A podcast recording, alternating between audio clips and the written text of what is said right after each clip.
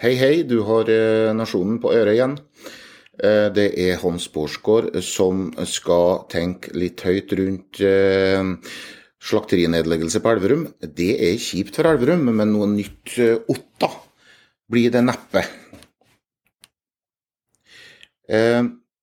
Du kan tenke deg at du flyr over Sør-Norge fra Oslofjorden til Trondheimsfjorden.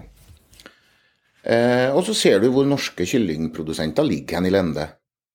Så kan du tenke deg at du må sette ned to kyllingslakteri på strekninga. Sjansen er liten for at du setter ned de her slakteriene 181 km fra hverandre. I, på Hærland i Østfold og i Elverum i Innlandet.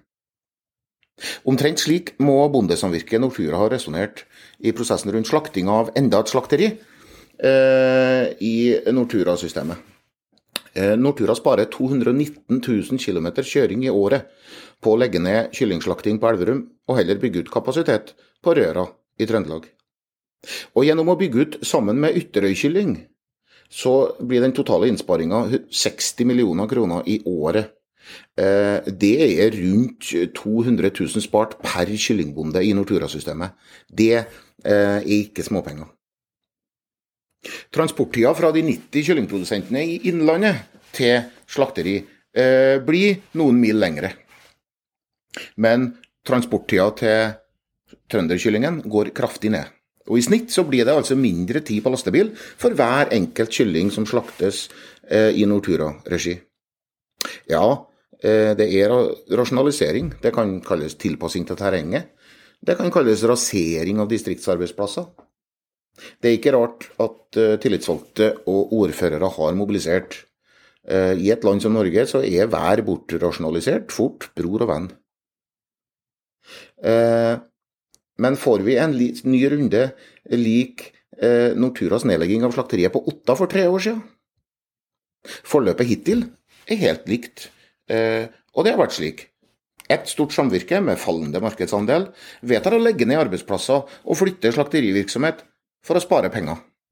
De lokale produsentene taper i utgangspunktet ikke en krone, men frykter tap på lengre sikt. Noen vil heller forlate samvirket enn å sende dyra sine ut av regionen. De allierer seg med lokale ordførere og krever å overta samvirkeanlegget for å starte konkurrerende drift. Samvirket nekter. Og her står slakteriinteressene rundt Elverum akkurat nå. På Otta så fortsatte denne historien med at lokale bønder og næringsliv vedtok å bygge konkurrerende lokalt slakteri.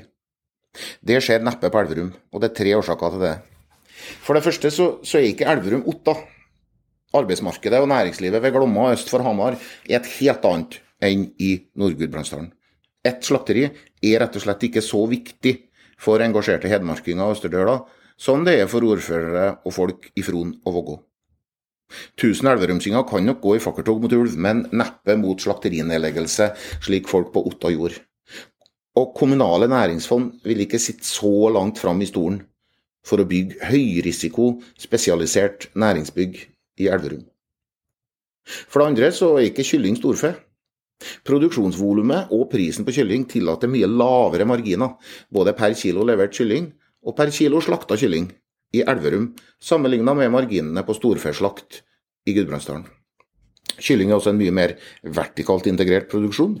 Et nytt minikyllingslakteri på Elverum eh, vil slite både med råvaretilfang og tilgang til butikkhyllene eh, i større grad enn Gudbrandsdal slakteri vil gjøre. Eh, det blir heller ikke færre Nortura-slakteri.